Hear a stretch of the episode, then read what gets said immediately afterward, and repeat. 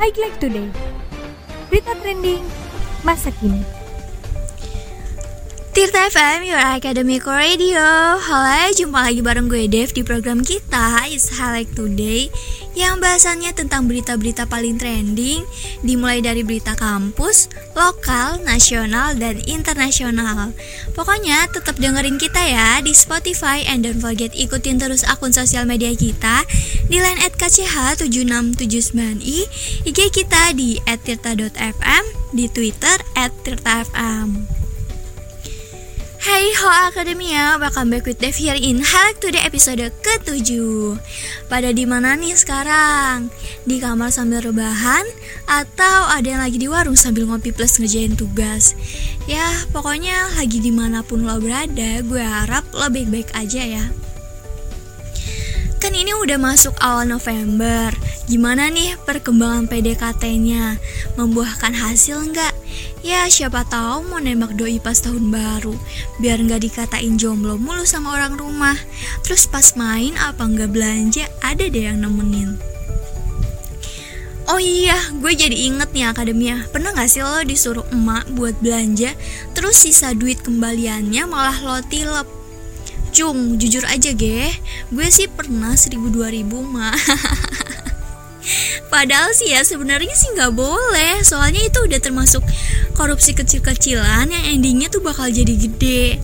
Ya lo bayangin aja setiap hari lo disuruh belanja Terus kembaliannya lo tilep. Pasti kalau ditotalin duit itu tuh hasil telepan lo Udah bisa beli baju. Ya paling enggak beli sebelak di gerbang belakang untir coy lah. Mungkin gitu kali ya para koruptor. Niatnya ngambil dikit Lama-kelamaan jadi kebiasaan. Eh pas ditotalin bisa sampai miliaran. Duh Gusti Terangkanlah, terangkanlah Jiwa yang ternoda. Eh sorry sorry gue malah nyanyi. Ya abis suka nyeleneh deh Jadi manusia tuh gak ada syukurnya. Maunya minta lebih mulu. Udah gitu pakai ambil hak rakyat lagi punyanya rakyat diambil. Udah tahu rakyatnya juga lagi krisis. Ya kalau mau ambil tuh duit pengusaha-pengusaha yang hartanya tuh nggak habis tujuh turunan. Jangan jadi parasit rakyat deh. Ngomong-ngomong soal korupsi, dilansir dari bidik utama, seorang dosen administrasi publik Fakultas Ilmu Sosial dan Ilmu Politik Universitas Sultan Ageng Tirtayasa, Deden Muhammad Haris ditahan penyidik Kejaksaan Tinggi Banten. Deden ditahan usai ditetapkan tersangka kasus dugaan korupsi kegiatan internet desa sebesar 3,5 miliar rupiah pada tahun 2016 silam. Dihubungi tim bidik utama Kepala Subbagian Hubungan Masyarakat Untirta, Veronica Dian turut membenarkan hal ini. Kami sebagai institusi tempat DMH atau Deden Muhammad Haris bekerja memberikan pendampingan hukum untuk membantu menyelesaikan proses hukumnya. Ujar Veronica siap memberikan pendampingan hukum untuk membantu Deden menyelesaikan proses hukumannya.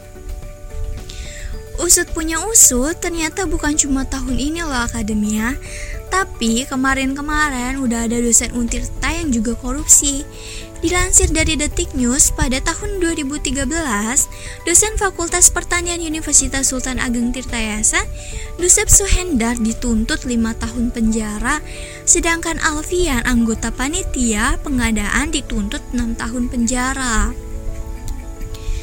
Keduanya dituntut dalam perkara dugaan korupsi proyek pengadaan barang dan jasa paket peralatan laboratorium Untirta dari APBN perubahan tahun anggaran 2010 senilai 49 miliar rupiah. Wah, so crazy. Ini masih gede banget 49 miliar, Bu. Apalagi itu pas tahun 2013 ya pasti duit segitu tuh gede banget.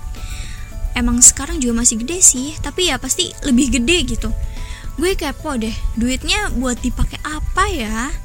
beli barang branded atau koleksi mobil kayak orang kaya zaman now hmm wawulahu alam oke lanjut ya Dusep dan Alfian juga diwajibkan membayar uang denda 200 juta rupiah subsidi 6 bulan kurungan Dan untuk Alfian juga dibebankan uang pengganti senilai 563 juta subsidi 2 tahun penjara. Uh, adil gak sih hukumannya cuma segitu dibandingin dari negara lain? Ternyata hukuman untuk tindak pidana korupsi di Indonesia termasuknya ringan loh akademia. Kalau di Asia sendiri ada nih Tiongkok alias negeri tirai bambu dikenal sebagai salah satu negara yang paling keras dalam menindak pelaku korupsi. Mereka yang terbukti merugikan negara lebih dari 100 ribu yuan atau setara 215 juta akan dihukum mati.